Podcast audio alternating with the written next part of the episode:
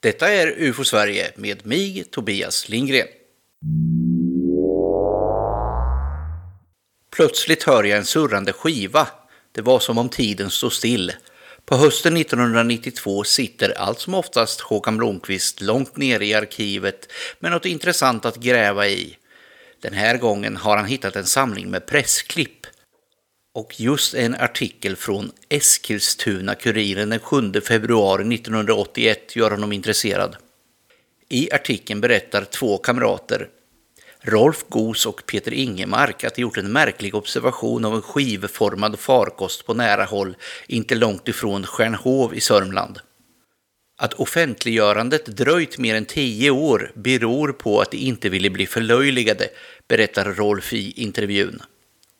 Förvånande nog är denna händelse inte tidigare dokumenterad av någon ufolog, konstaterar Blomqvist.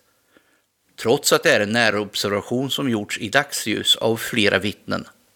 Rolf Goos, känd som serietecknare med bland annat Fantomen på meritlistan, och Peter Ingemark, journalist och tidningsmakare, var båda hemma hos Peter i Solbacka prästgård.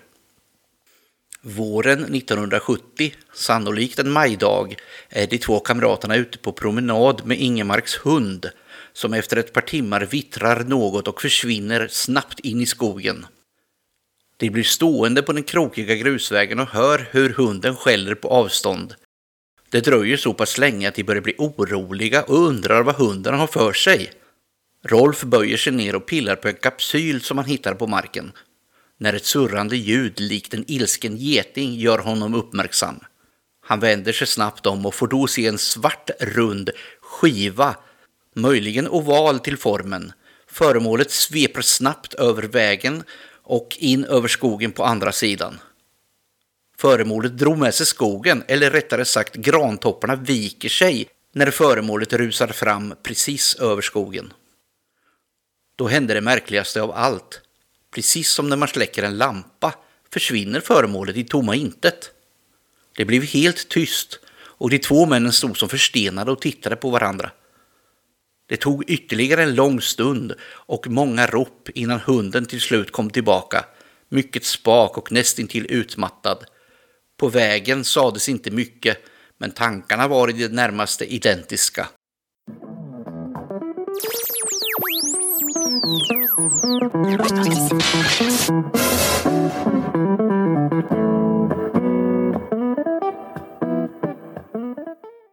Ni ska vara utomordentligt varmt välkomna till UFO Sverige. Idag har jag den stora äran att få samtala om märkliga händelser i landskapet Södermanland, som vanligare kanske uttalas Sörmland. Med mig idag har jag två kända UFO Sverige-röster, Johan Gustafsson och Thomas Michanek. Har ni det bra? Jajamän. Det är fredag eftermiddag slash kväll här och det går ingen nöd på mig. Ja, det är samma här. Det är lugnt och vi är redo. Men det är väl ganska trevligt nu att vi fortsätter den här landskapsserien som vi drog igång för ganska länge sedan. Jag vet ju att det är många som gillar den och vi har ju som sagt kommit fram till Sörmland nu då. Men vad säger ni om den här inledande observationen? Det är väl ganska bra, den innehåller ju mycket av det man kan önska sig av ett bra ufo-fall. Jo, den är ju så pass bra att vi har lagt upp det som en av våra roll-ups på våra utställningar som vi har varje år i samband med riksstämman. Så det är ju ett jättebra fall. Inte minst eftersom han, Rolf Goos, gjorde en jättefin teckning av fallet där det här föremålet sveper över skogen. Men vad säger du Johan, saknar du något i det här fallet? Det, vi har ju många ingredienser som, som vi vill ha, som vi saknar ju ofta i många andra fall. Så som flera vittnen och, och som han säger här, dagsljus. Ja, det är en jätteintressant observation. Eh, visst är det det. Det är lite kort varaktighet. Det är väl det enda man kan eh, tycka är en, en liten nackdel. Men eh, det är ingenting som går att styra över heller. Va? Så att, det är ett påtag, mycket påtagligt och väldigt märklig observation.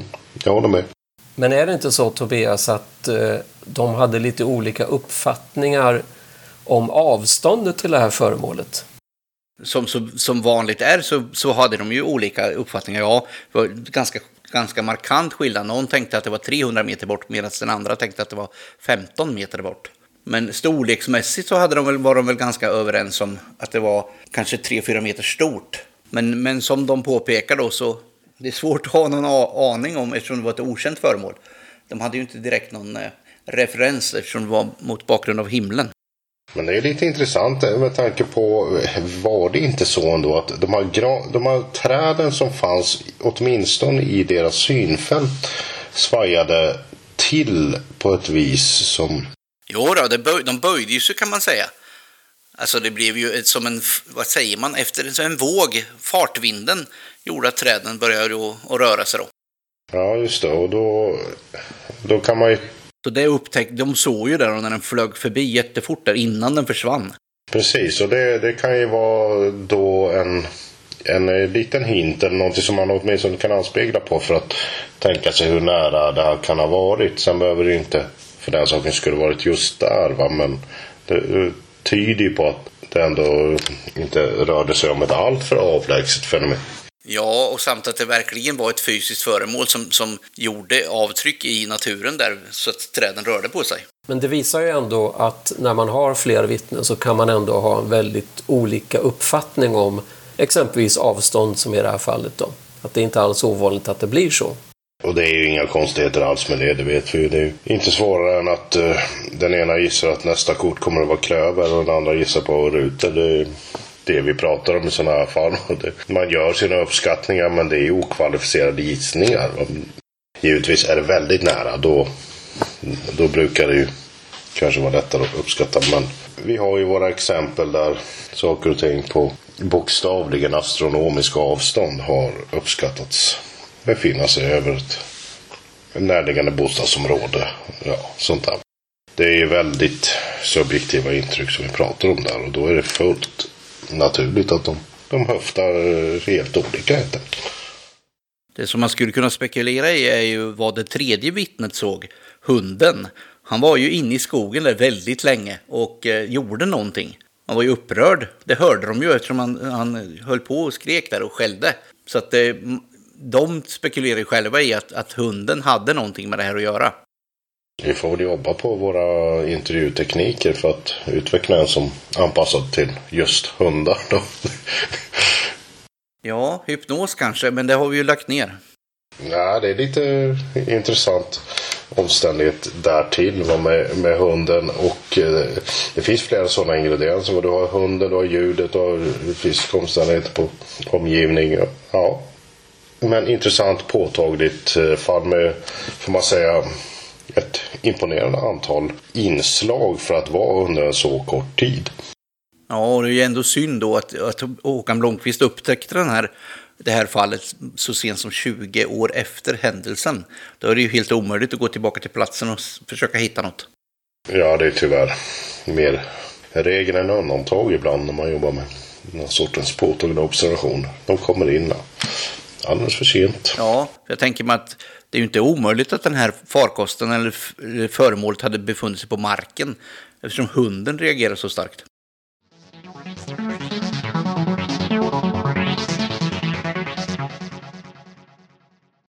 Sörmland är ju ett ställe där vi har befunnit oss flera gånger, bland annat för lite olika projekt.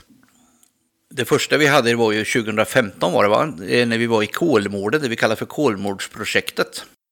Kolmården-projektet var ju ett av de här projekten som vi genomför ibland där vi knackar dörr helt enkelt för att få fram nya observationer och ibland också fler vittnen till existerande observationer. Och det gör vi ju då i områden där det har funnits intressanta observationer eh, under en ganska begränsad tidpunkt oftast och ett begränsat område. Så då ger vi oss ut helt enkelt och eh, pratar med folk för att få in, eh, höra om de har sett någonting märkligt som de vill berätta om. Och det visar sig ju då ofta att ungefär någonstans runt 10 procent av de vi pratar med säger att jo, men jag har varit med om något konstigt eller sett något märkligt. Men de har ju nästan aldrig rapporterat det. Så det är ju ett väldigt bra sätt att få in nya, nya observationer. Och ibland också nya vittnen till existerande observationer. Då. Och Johan, hur kommer det sig att vi just valde Kolmården i det här projektet? Vi hade ju eh, ganska mycket registrerade rapporter från Kolmården sedan tidigare år när vi hade en väldigt aktiv grupp i området.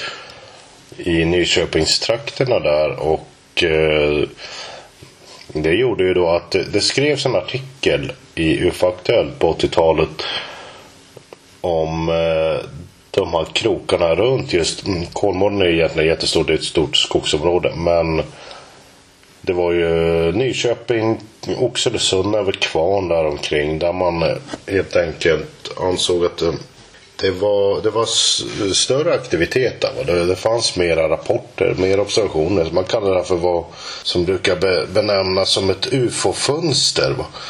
Och eh, det var ju lite grann det som vi ville jobba med just i dörrknackningsprojektet där 2015 vill jag minnas att det var som vi var ute och knackade i precis de orterna. Där. Det ledde ju sen då till att vi, vi jämförde det vi fick in där med, med andra områden och med andra projekt som vi har gjort. Då kunde vi se då att ja, egentligen så fanns det inte så mycket mer rapporter där. Det var som Thomas sa här, ungefär var tionde person eh, hade ju varit med om någonting och det inkluderade ju inte bara UFO utan det var ju spöken och sådana saker också. Så vi kunde inte bekräfta den här idén om att det var ett ufo-fönster i alla fall. Nej, inte riktigt på det viset. Eh, vi följde upp eh, den, eh, den teorin och tanken och jag gjorde ett uppföljande arbete om det finns att läsa på ufo.se. Nej, det, det, är helt korrekt som du säger. För att göra en lång historia kort så det, det fanns väl inte, så vitt jag kunde se i efterarbetet i alla fall, där, så mycket mer av intresse just där än vad det gjorde i de andra områdena som vi hade knackat dörr i. Men jag tycker också vi kan nämna att ett sånt här projekt tar ju lite tid oftast. Just Kolmården, där var ju så att vi var igång i flera dagar och eh, hyrde en liten stuga som vi bodde i och åkte runt med bilar till olika orter och sådär. Så det är även lite social eh, verksamhet inom föreningen. Så det är ju lite kul att vara med på de här projekten för det är det är annorlunda och man får träffa mycket folk. Inte bara åka ut till ett vittne som, eh, som har hört av sig själv utan eh, leta upp vittnen helt enkelt. Själv var jag ju någon sorts sambandscentral kombinerat ihop med en kock. Jag lagade ju mat åt allihop här. Men eh, ni var ju ute på fältet och knackade dörr. Är det någon av er som har någon anekdot från just Kolmårdsprojektet? Oj, ja det, det, det, var ju lite tafatt får jag säga eh, i just det insamlade materialet i min grupp. Vad jag, jag väl kan nämna är en observation som vi följde upp med. Det var egentligen en befintlig observation där vi hängde på en kille, eh, eller en kille, han var lite äldre idag va? men vi körde en, en lång sträcka med honom för att kontrollera möjligheterna för att det skulle ha varit en stjärna eller planet, eller snarare specifikt Venus var väl då teorin som man skulle ha sett där. Och vi åkte en ganska lång väg med honom och testade den teorin. Kom fram till att det var jättesvårt att, att konstatera det. Men det var ett intressant fall alltså i sin beskrivning. I och med att han hade kommit och kört förbi en snabblivsbutik och fått se ett föremål som ett ljusakrom som dök ner mot bilen och födde honom längs vägen och sen eh, nära in på i tid så kom det en precis likadan rapport med samma sorts inslag från ett annat vittne som beskrev samma effekt effekt. Fenomenet kom ner emot vägen och följde precis vid samma, samma område. Så det var väl ett, ett kul fall, intressant fall att följa upp där i alla fall. Även om vi inte riktigt kom i hamn med vad det, om du kunde ha en förklaring eller ej. Jag kan ju berätta en liten detalj som inte direkt är ett fall då som vi stötte på. Men vi gick ju runt då eh, och ringde på på lite olika hus och så var det en, en kvinna som öppnade. Och man presenterar sig naturligtvis vilka vi är. Vi var väl en tre, fyra stycken där. Eh, som klev in i hennes eh, hall och började prata och förklara att vi var från UFO-Sverige. Och då sa hon så här. Ja, jag kände med en gång att ni tillhörde de goda. Så att man stöter på alla slags människor. Men hon var ju väldigt sympatisk. Men hade lite andra eh, ja, inställningar till energier och så kanske. Det var tur att vi var goda. Ja, men det är väl så att vi är kända när vi går ut och knackar dörr. Vi har ju gjort mycket media innan så att folk vet att vi kommer. Ja, så är det. Vi marknadsför ju de här projekten eh, varje gång eh, vi gör dem. Det leder ju till att de allra flesta vet ju vilka vi är när vi knackar på dörren. Det är ju alltid trevligt. Jag kommer ihåg i eh, Björkvik som ett annat projekt vi hade här att när jag knackade på så öppnar de och så säger de så här. Ja, kommer ni nu? Vad bra. Ni får inte glömma att gå till grannen också för han väntar också på er. Mm. Ja, ska vi nämna något om Björkvik? Det var ju några år senare det, men det är ju ändå i Sörmland. Ja, det är ju egentligen ett av de mest uppmärksammade fallen faktiskt. Eh, som ju eh, vi ofta tar upp. Eh, återigen på en av våra roll-ups som vi har på utställningarna. Eh, det var ju en mamma och hennes dotter som kom åkande i en bil på väg hem och eh, precis utanför gatan då kan man säga där de bodde så ser de ett föremål, ett, i princip ett klassiskt flygande tefat som svävar ovanför träden rakt ovanför vägen då. Och mamman då kör fram och stannar bilen i princip rakt under det här föremålet. Och eh, hon vill till och med gå ut och titta på det men det vill inte dottern då som sitter i baksätet. Hon skriker att det får du inte göra. Så de sitter i bilen och, och spanar på det här och efter en liten stund så vaggar det här föremålet till och åker med en jättehög fart bort över skogen och över en sjö som heter Yngaren. Eh, det är en jättebra observation, bra vittnen, mycket bra vittnestäckning och så vidare. Det intressanta i fallet är ju också att det finns, vi vet att det finns flera andra vittnen men som inte riktigt vill ge sig till känna och prata med oss, tyvärr. Det var väl lite det som var kärnfrågan i projektet så att säga. Ja, precis. Möjligheten att Eh, helt enkelt gå runt i området och se kan vi få tag på ytterligare vittnen då som vi visste fanns. Ja, det var ju, eh, jag tror att det var du och jag Tobbe som satt och, och snackade ändå på arkivet där om Björkvik i samband med gamla fall och sånt och så helt plötsligt så ja, kom vi in på hur vi skulle kunna vidta de, de där sista åtgärderna i det där fallet och då var det väl egentligen bara att eh, försöka knacka så många dörrar som möjligt i området som återstod. Vi hade ju försökt med hjälp av huvudvittnena då att få möjlighet att komma i kontakt med andra vittnen och så men det hade ju inte kommit till hamn riktigt. Nej, det var ju ett lite mindre projekt över en dag. Men ambitionen var ju att vi skulle knacka så många dörrar som möjligt runt den här sjön Yngaren, även om vi bara kanske lyckades med en tredjedel av vad vi hade önskat. Men vi fick ju prata med väldigt mycket personer där i alla fall och fick ju in många, ja vad ska jag säga, många konstiga berättelser, även om inte alla var av ufo-karaktär. Nej, jag kan ju berätta att jag och eh, Tage Bong, som är ju en eh, gammal räv här i UFO-Sverige. Vi åkte ju runt och pratade bland annat med en kvinna som på fullt allvar hävdade att hon kunde samtala med fåglar. Och hon verkade helt vettig och så vidare, eh, var inte konstig på något sätt, men hon eh, framhävdade att hon kommunicerade med fåglar. Så det är intressanta människor man träffar. Ja, absolut. Jag fick ju själv kontakt med en kvinna som hade små, jag vet inte, på Gotland säger man de små ondariordi.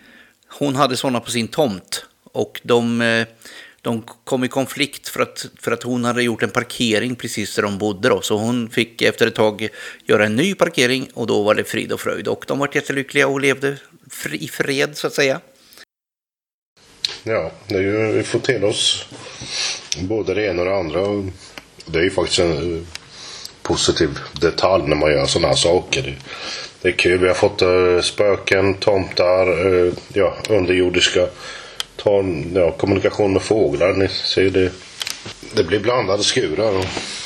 Ja, och ibland naturligtvis lite svårt att för oss gå vidare med att undersöka en del av de här lite mer udda upplevelserna då. Det är kul att få möjlighet att dokumentera så mycket som möjligt av det. Även om man väl givetvis får fråga sig vad, vad som är korrekt och vad, som, vad vi kan förklara på annat vis. Det, så det steget har inte vi tagit. Inte i, i de här insamlade anekdoterna.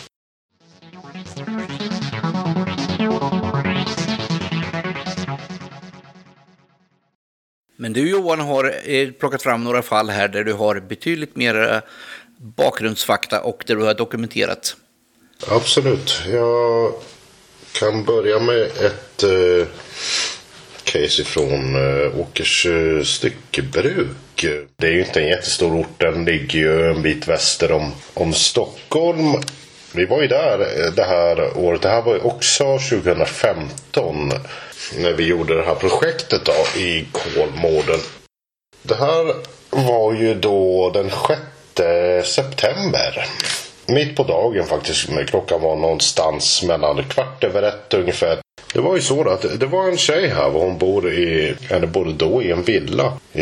In på en liten bakgata här va, i det här området. Och det här det är en mulen eh, dag och eh, hon går ut va, på, på lilla verandan där va. Ska bara ta en cigarett. Som eh, när som helst under dagen. Inga konstigheter med det. Går ut där, ställer sig, tänder cigaretten. Och hon får se då de tittar upp mot eh, det, det är som ett litet äh, eh, grannhus med gran, eller lite, lite småträd och sånt där. För hon ser ett objekt som kommer svävandes och hon tycker det är ganska låg höjd. Glider framåt emot den här verandan mot villalängan där, där de, där de bor. De står jag uppfattar det här som något lite ovalt underifrån runt objekt men på ovansidan då lite ovalt avrundat nästan lite äggformat kan man kalla det objekt som glider fram på himlen på vad hon tycker är ganska låg höjd.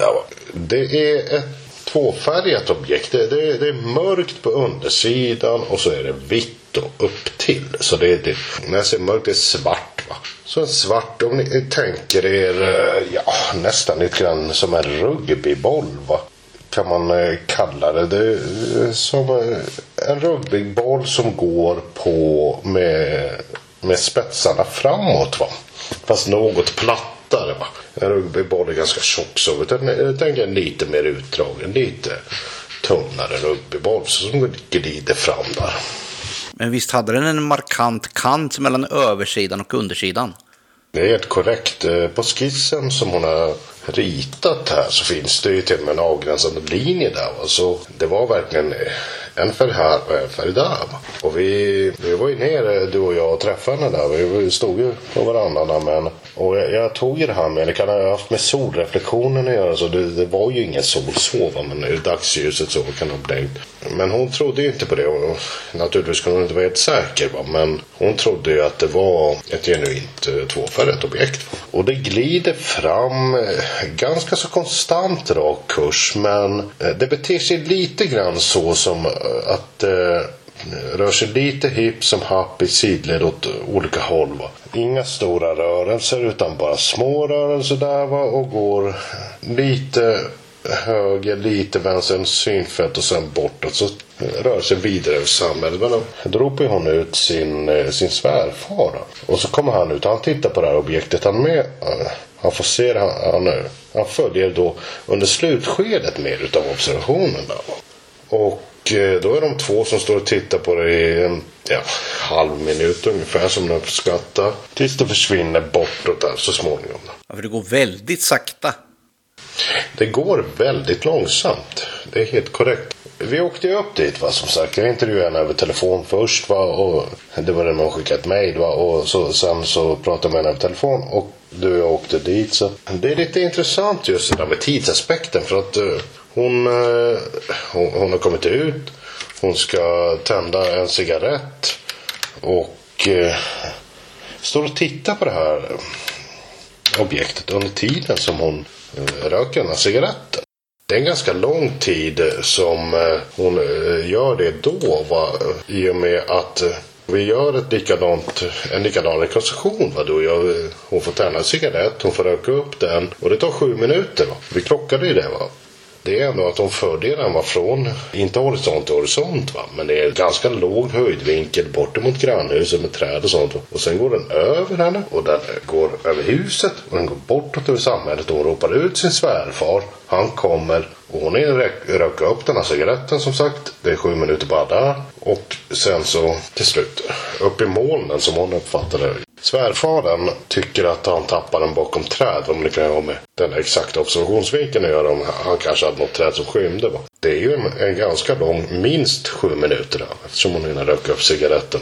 Sen får man ge och ta lite grann där kanske. I och med att man kan röka olika fort va, vid olika tillfällen. Men det är på på ett ungefär där omkring det ligger. Va? Jag tänker att det, att det var väldigt sakta, även på grund av att den var så väldigt nära. Precis i fortsättningen på den här vägen där hon bodde där i det huset så var det ju som en liten förhöjd eh, skogsdunge. Och hade den här föremålet varit lite längre norrut då hade den ju kört på träden i den här skogsdungen. Mm, precis, hon tyckte att den var väldigt lågt ner. Den var inte högt upp alls. Eh, svärpappan tyckte att den var högre. Men han såg den å sidan när den hade kommit eh, betydligt längre bort. Hon säger det också att han såg ju inte objektet först. Det var ju längre bort över samhället då. Så de hade lite olika perspektiv på det hela så. Men han beskrev det här ungefär som en snusdosa. Då. Format som en stor snusdosa som flög bort. han tyckte det var väldigt märkligt.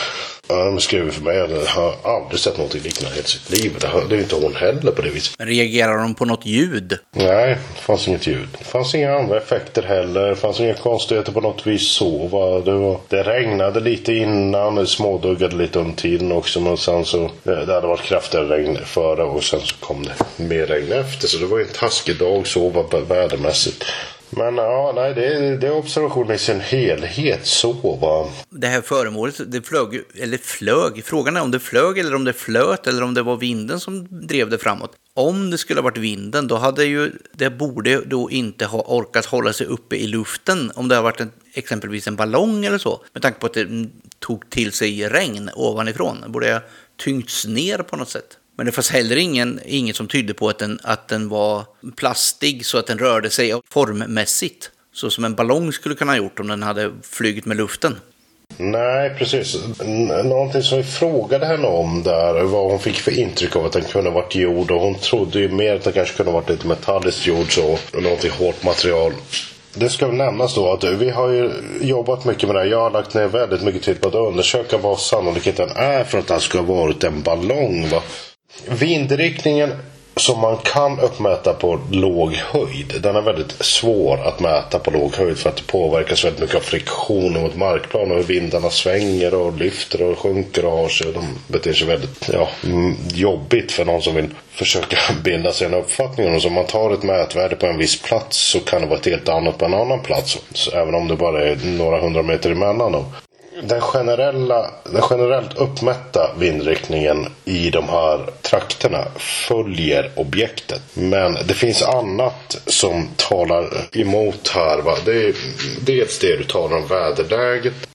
Och sen har vi kunnat dra vissa slutsatser när det gäller storleken. Ja, den är ju inte konstaterad men av allt att döma så skulle det förmodligen inte rört sig om en hobbyballong då. Va? Det är förmodligen någonting större, någonting mer påtagligt. Där har vi då kunnat göra vissa kontroller. De som gör uppsläpp av större ballonger det är framförallt Försvarsmakten, forskningsinstitutioner, sådana. Va? Och någonting sånt finns inte. Kollat med skjutfält som släpper upp ballonger i samband med sina skjutningar för att kolla vinden. Kollat med, med Metoc som de heter, Meteorologiska institutionen, Försvarsmakten. Och även ju kollat väldigt mycket med väderballonger. Va? Om det kan varit en sån som har sprungit läck och drivit in här och det har kunnat uteslutas.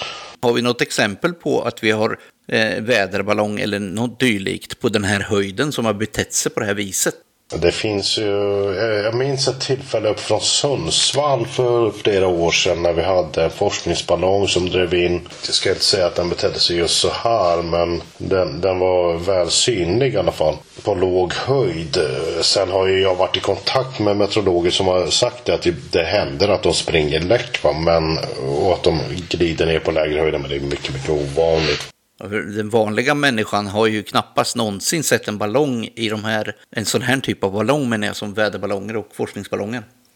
Nej, precis. Utan det är någonting, de går ju upp på hög höjd och driver långt bortom ögats synfält och eh, sen så ser man dem bara på instrumenten. Så att eh, det är ju ingenting att tala om när det gäller den vardagliga rapporten.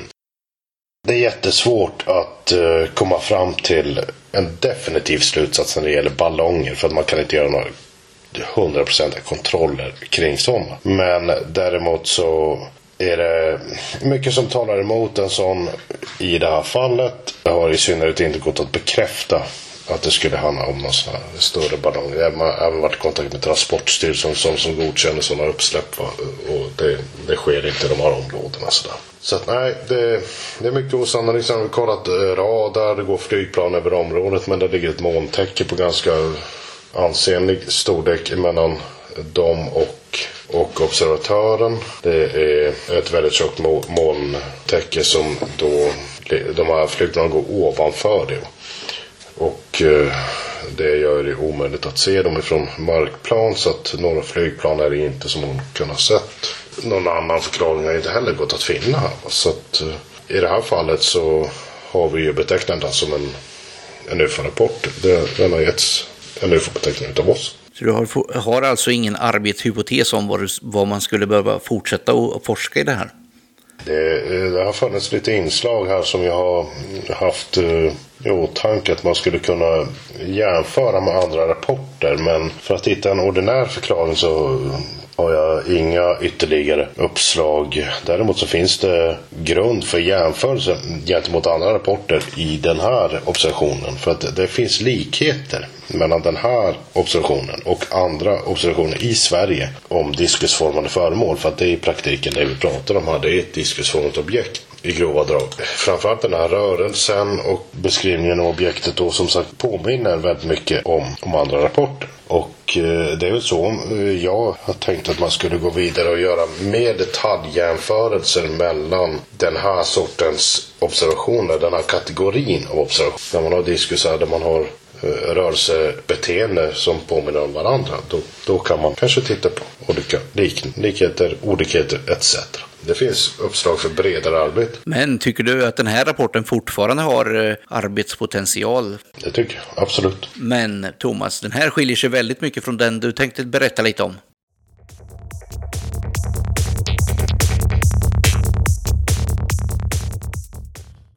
Ja, jag tänkte då berätta om ett fall som blev ganska så uppmärksammat här på 1970-talet. Det kallas för Nyköpingsfallet. Det publicerades i vår dåvarande tidskrift UFO-information nummer 6 1977 och kallades för årets kanske mest intressanta UFO-händelse. Det inträffade lördagen den 8 januari 1977 på eftermiddagen. Det här var en kall och klar vinterdag med strålande solsken. Observationstiden har varierat en del från 14.30-tiden ända fram till klockan fyra på eftermiddagen. Det hör till saken att solen gick ner 16.15 så att eh, det är ju lite, eh, nästan lite skymning här i slutet av observationstiden. Men i alla fall, huvudvittnet då som är en, det är egentligen en familj men det är mamman som mest berättar. De bor på sjätte våningen i ett hyreshus och tittar ut eh, vid 15.35 tiden och får se ett lysande föremål över vattentornet i Nyköping som ser ut som en upp och nervänd glödlampa. Ett vitt sken som övergår i gult och så försvinner det här föremålet. Men då dyker det upp ett nytt föremål, ett rött ovalformat föremål på ett annat ställe kring lasarettet i Nyköping. Och det stannar upp och så efter några minuter så ansluter ytterligare ett föremål av samma typ. Och så står de här föremålen stilla och har lite ryckiga rörelser, svävar runt där och så dyker ännu ett föremål upp. Så det är tre stycken föremål som står på samma ställe på himlen och alla är då glödande röda. Och det intressanta är att Eh, det här varade ganska länge då, totalt 20 minuter observationstid. Och under den här tiden så ringde vittnet till flygflottiljen i Nyköping, F11, och pratade med en meteorolog där för att kunna ja, få reda på om det var något eh, märkligt som skedde på himlen. Och det som händer sen efter ytterligare några minuter är att två stycken jättestora diskusformade objekt ansluter till de här övriga tre så nu är de fem stycken föremål på samma ställe på himlen. Då. Och de här nya föremålen de är betydligt större än flygplan, säger vittnet. och har en kupolliknande överbyggnad. Men det är inget, inget ljud som förekommer. De har gått ut eh, på balkongen så att de kan notera det. Men det som händer då i slutet av observationen här är att det kommer ett propellerplan flygande på ganska låg höjd med ett tydligt ljud. Och därefter kommer också ett jetplan, ett militärplan då, förmodligen ett Drakenplan. Och då tycker vittnet, då drar sig de här föremålen bort och försvinner mot horisonten. Och det intressanta är ju då att när man kollade med flygfotiljen flygflottiljen i Nyköping så har man sagt att nej, det förekom ingen flygning i luften, inga plan är uppe. Och man kontaktade även F13 i Norrköping, eh, UFO-Sverige här då. Och där hade man flygövningar mellan klockan 13 och 14. Men det stämmer ju då inte med den här observationstiden. Däremot så hade man något som heter incidentberedskap på F13 i Norrköping. Så att man kunde teoretiskt ha skickat upp ett flygplan, som man då gör ibland. Man avvisar eh, flyg som har kommit in över eh, svenskt territorium. Men det är lite oklart då vad det här flygplanet egentligen gjorde där. Men sen är det ju så att det finns många andra vittnen till den här eh, observationen, det här fallet. Det är sammanlagt bortåt, ja till en början så sa man att det var bortåt 30 stycken vittnen som hörde av sig. Och sen när man sammanfattade det här fallet på slutet av året så var det över 50 personer som hade hört av sig till UFO Sverige och sett någonting som man då tolkar som samma observation även om det har skett eh, på flera olika platser i länet, och Oxelösund och så vidare. Så att man tolkar det här som att föremålet har kommit, de här föremålen har kommit flygande någonstans ifrån och sen parkerat så att säga över Nyköping och sen fortsatt att eh, flyga därifrån då. Möjligtvis i samband med att de här flygplanen kom in då i luftrummet.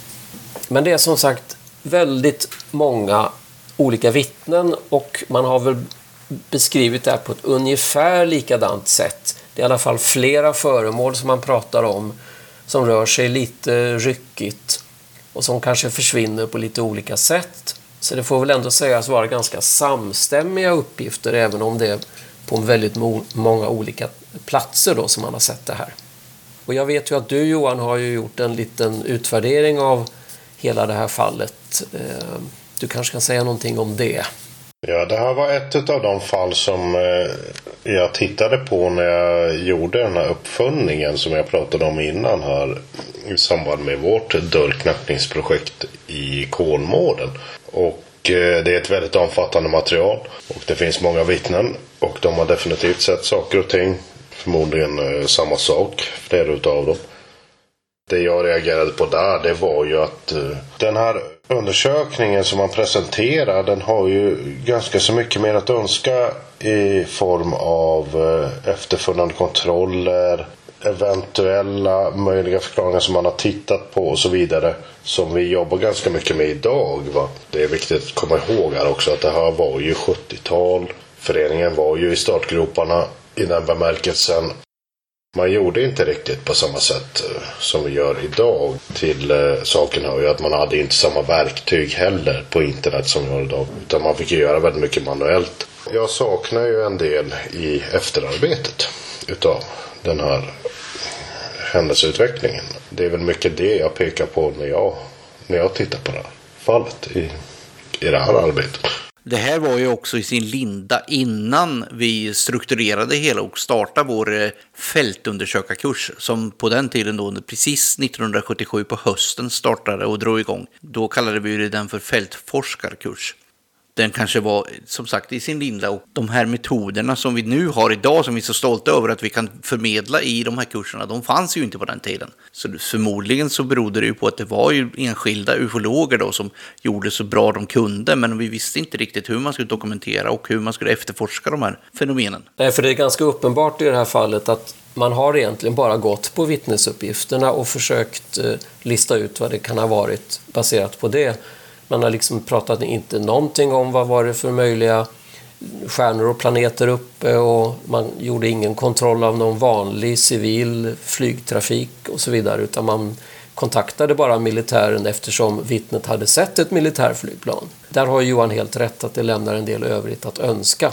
Och inte heller någon analys av det som framkom från militären. Nej, precis. Ehm, De pratar ju om i sammanställningen att den här incidentberedskapen som jag nämnde om från F13 i Norrköping, att eh, där skriver man då att eh, försvaret talar inte om om det har skett några sådana uppstigningar som det kallas med plan. Men i en tidningsartikel som finns bifogat den här undersökningsrapporten. Där har ju någon journalist intervjuat försvaret och där säger man ju då eftertryckligen att man inte har gjort några sådana uppstigningar vid incidentberedskapen den här tiden. Och stämmer det, då är det väldigt svårt att förstå vad är det för militärflygplan som har flugit där då? Om det varken var F11 eller F13 som var i, i luften. Till saken hör ju också samtidigt att eh, militär flygning över ett specifikt område eh, behöver egentligen inte ske utifrån den närmaste eh, flygbasen som finns där flygningen äger rum. Utan det kan ju förekomma flygningar från andra flygregementen också. Man hade hemskt gärna sett en, en ganska så övergripande kontroll av flygverksamhet ifrån Försvarsmakten och från civilt håll över området vid tiden. För att kunna helt och hållet eh, försöka kartlägga vad som var vad vid den här tiden. Men det är precis det vi pratade om. Det, det är det vi saknar lite grann. Jag ska nämna en liten annan sak som jag tyckte var lite rolig i den här sammanställningen som finns då från 1977 här. Om vittnena så står det så här att dessa personer är av vad man kan säga skiftande kvalitet. Och genomgången det är är att deras ögonmått är under all kritik.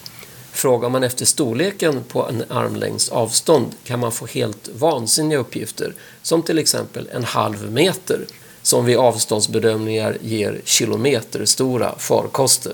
Slut citat här.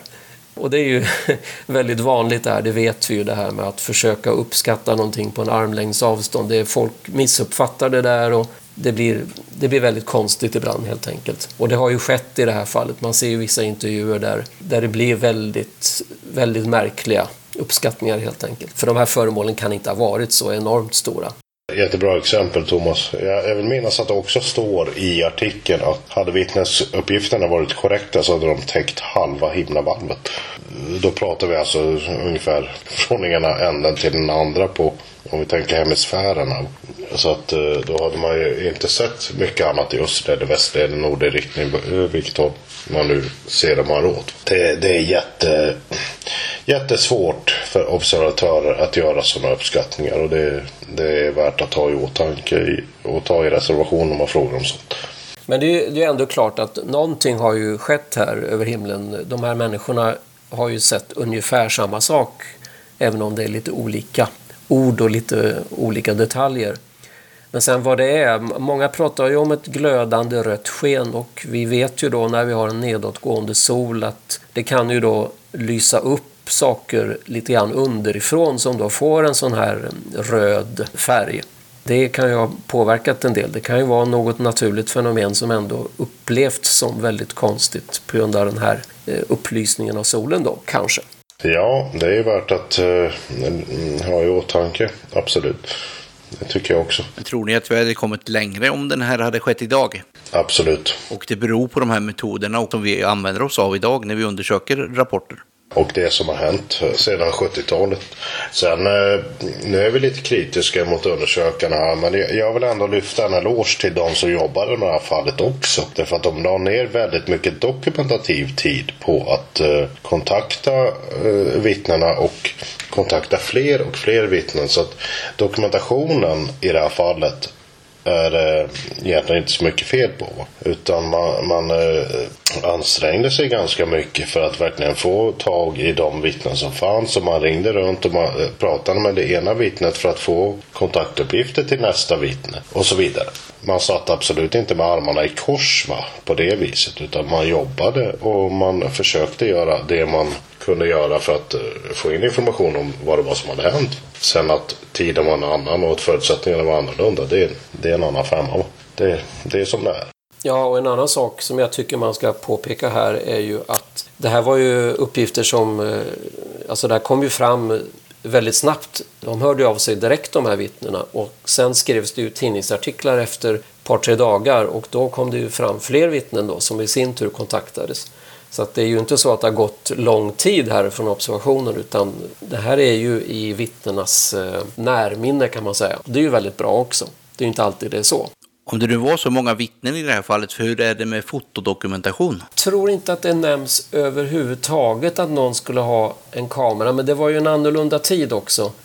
Man hade ju inte en, en vanlig filmkamera bara ståendes redo att eh, ta kort med. Eller Johan, kommer du ihåg om, om det var några foton? Nej, nej, några, några bilder eh, fanns inte. Eh, det finns en vacker skiss med tillhörande artikel. Men eh, nej, några bilder fanns inte. Kan man dra någon slutsats av det? Nej, det tycker jag inte. Folk eh, sprang inte runt med iPhones på den tiden.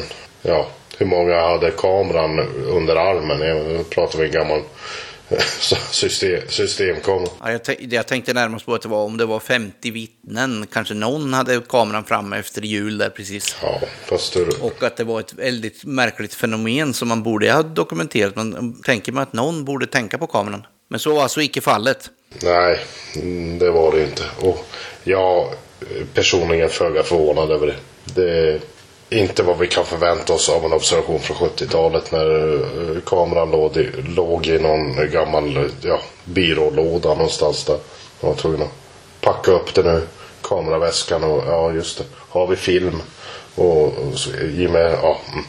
ni vet, hela, hela karusellen. Men det är i alla fall ett känt fall från Sörmland. Har vi någon sista rapport här Johan?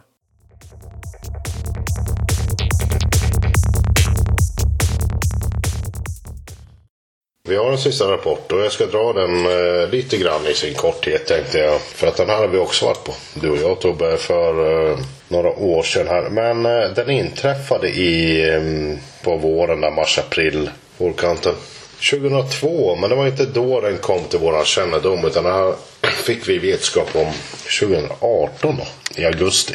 Men det var en kvinna då som eh, berättade om en händelse som eh, den var faktiskt väldigt märklig i sin beskrivning. Det här var i höjden av eh, Nykvarn ungefär då. Trakterna där omkring i alla fall med Nykvarn. Hon körde längs E20 då. Hon hade varit uppe i Stockholm, Älvsjötrakten. Och hon har varit på dans den här kvällen då. Släppte av en väninna i, i just Älvsjö då, och eh, kör sen vidare då till, eh, bor också händelsevis då i Åkers styckebruk där vi var tidigare idag.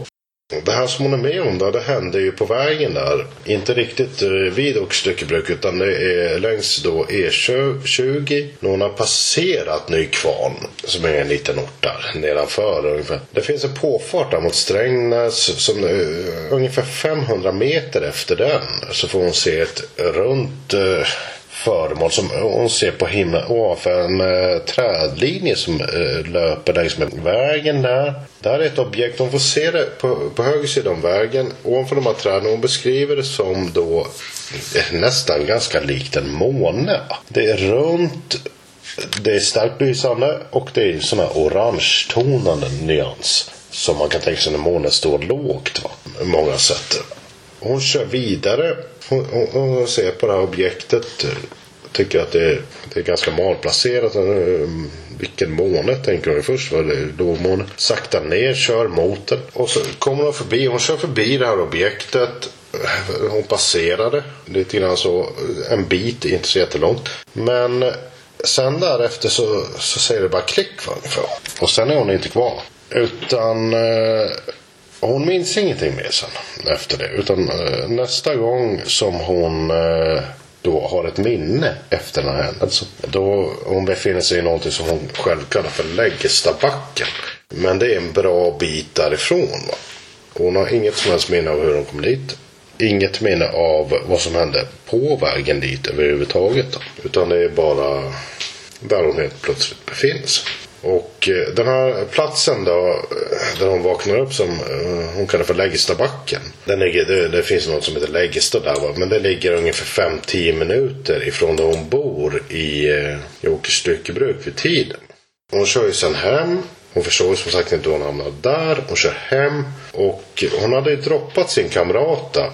efter att de hade kört ifrån Stockholm sen vidare till Älvsjö. Och då var klockan ungefär 00.30 närmare bestämt 00.28. Det är en tid som observatören i efterhand har sagt att hon är väldigt säker på. För att kamraten frågade om tiden. Och hon fick då som svar av observatören att den var 00.28. Då skulle hon varit Åke styckebruk vid, där hon bodde där vid 01.30. Det skulle tagit en timme ungefär. Men eh, när hon åker hem sen då. Går in, eh, tar eh, en kopp te och så vidare. Tittar på klockan och visar den 03.45. Så klockan har blivit väldigt mycket. Hon kan ju inte för allt i världen förstå hur det har gått till. Hon blir väldigt förbryllad över det här under ganska många år framöver. Tills det att hon då sen efter en tid då till slut vänder sig till och så eh, rapporterar. Vilket hon inte hade gjort innan. Det är väl eh, det här caset i sin korthet. Tobbe, du och jag var ju, var iväg och träffade observatörerna och eh, körde den här sträckan med henne. Intervjuade henne längs med vägen. Eh, åkte upp till hennes dåvarande bostad. Vi har gjort ganska så mycket kontroller av just den här färdsträckan här. Det är ganska långt emellan där hon upptäcker det runda föremålet och när minnet kommer tillbaka sen. Vi har ju kartlagt ganska mycket utav de här eh, sträckorna. Hon är, har ju en eh, tydlig vägbeskrivning som hon har tagit här och det har gått att lägga ut på kartan i kartprogrammen och så vidare. Och hon kör ju då alltså från den plats där hon då ser det här föremålet sist när hon tappar det. För att hon tappar det här ganska hastigt. Hon kan inte riktigt sätta exakt finger på hur det går till där heller till det att hon sen var, kommer till sans igen i den här lägsta backen. Det är en sträcka på cirka 17 kilometer. Det tar ungefär 10 minuter att avverka dem med bil. Ja, det är ingen, den är ju inte spikrak vägen, även om den är en, en motorväg. Då, så det är ju ingen risk att man sover i de här 17 kilometrarna. För då, då kör man av vägen. Så någonting annat har ju hänt under de svarta minuterna så att säga. Ja, precis. Och eh, det finns väldigt mycket att säga här eh, rent teoretiskt. Vi behöver kanske inte gräva ner lyssnarna i alla potentiella resonemang som går att föra kring en sån här observation. Men eh, det finns olika stadier som man kan falla in i. Eh, olika psykologiska stadier. Och eh, man kan diskutera olika former av väghypnos och sånt. Men det är helt korrekt det du säger. Det, det, det finns ju absolut ingenting tydligt här om vad som ska ha hänt. Observatören har ju naturligtvis själv varit inne på tanken om hon själv har blivit ombordtagen. För att det är ju det som är det alternativa förklaringen till en ordinär förklaring i ett sånt här fall. Varför det finns väldigt många sådana här exempel inom litteraturen där man har gått till botten med det genom hypnos och sen fått fram en ombordtagningsberättelse och så vidare. Och eh, det är ju en potentiell intressant möjlighet som vi eh, ser där, absolut. Fast jag tycker ju ändå att nästan en rimligare förklaring skulle kunna vara att hon av någon anledning blir lite chockad av den här händelsen stannar, står stilla en lång stund och sen kör vidare och, och efter en stund så liksom är hon fullt medveten igen. Ja, fast det är en, en väldigt enkel förklaring på, på det här förloppet faktiskt ska jag känna. För att det som eh, fattas är ju betydligt mer än den sträcka hon ska ha kört. Hon, eh, hon saknar ju eh, över två timmar. Hon, hon kom inte hem förrän kvart i fyra på, på morgonskvisten. 03.45 är klockan när hon kommer hem. Från den här platsen där hon senast såg föremålet, och den här eh, Läggestabacken. Det finns inga andra vägar man kan åka där som kan ha omedvetet så att säga, eller under den här tiden kört någon helt annan väg på något sätt, varit borta länge. Då är du däremot inne på någonting som jag diskuterar och resonerar kring i min sammanfattning av det här fallet. Det är, fint. Det, är klart att det går att köra olika vägar runt om. Och jag diskuterar någonting som i fackspråk kallas för en FIG.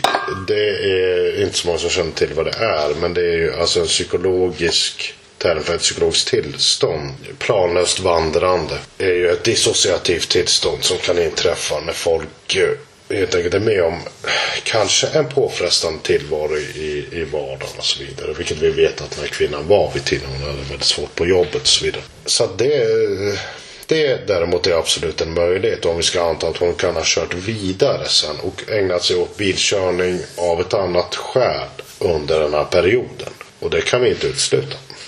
Det, det är definitivt en möjlighet. Ja, pro problemet är ju att det, det, sker ju nattetid där så att det är ju inte liksom en massa andra folk ute. Det går ju inte att hitta några så att säga, vittnen till eller mötande trafik eller så misstänker jag. Nej, och dessutom så var det här en väldigt retroaktiv rapport som vi kallar dem. Den var ju väldigt många år gammal när vi fick in det så att vi kan inte heller göra några kontroller om huruvida någon har om, om det finns någon som har sett en, en, en bil som har betett sig egendomligt eller något sånt. Men det, det, är helt korrekt. Det, det, är sent på natten också. Va? Så det, det, hade inte varit så troligt kanske till att börja med. Däremot kunde man väl konstatera att det absolut inte var månen hon hade iakttagit. Eh, eftersom vi inte hade datum så, som vi kunde äh, jämföra med så kunde vi inte fastslå dess exakta position. Men äh, riktningen talade ju starkt emot eftersom den var ju norrut. Va? Och det är precis som du säger Tobias. Det, det är kanske den enda riktningen som den aldrig någonsin står i. Så att det... Men eh, du kom aldrig fram till någon slutsats i det här fallet?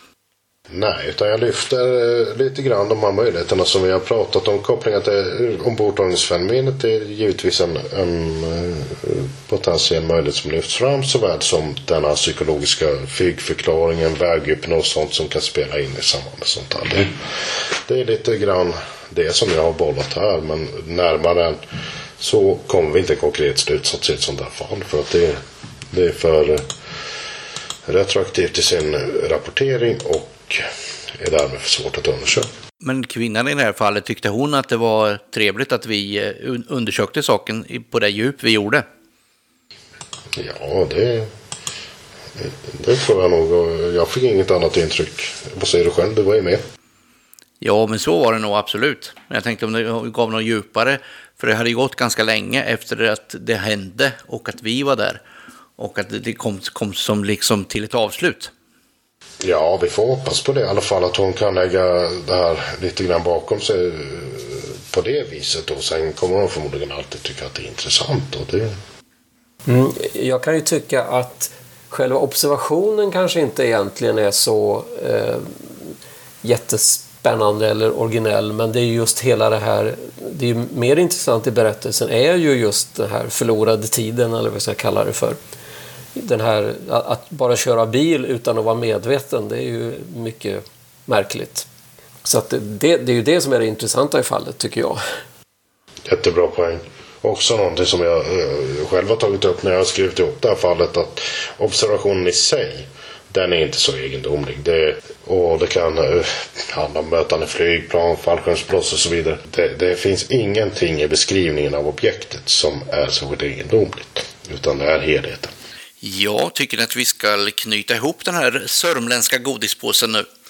Ja, jag tycker väl att vi har betat av en hel del av det vi kan eh, beta av så att säga.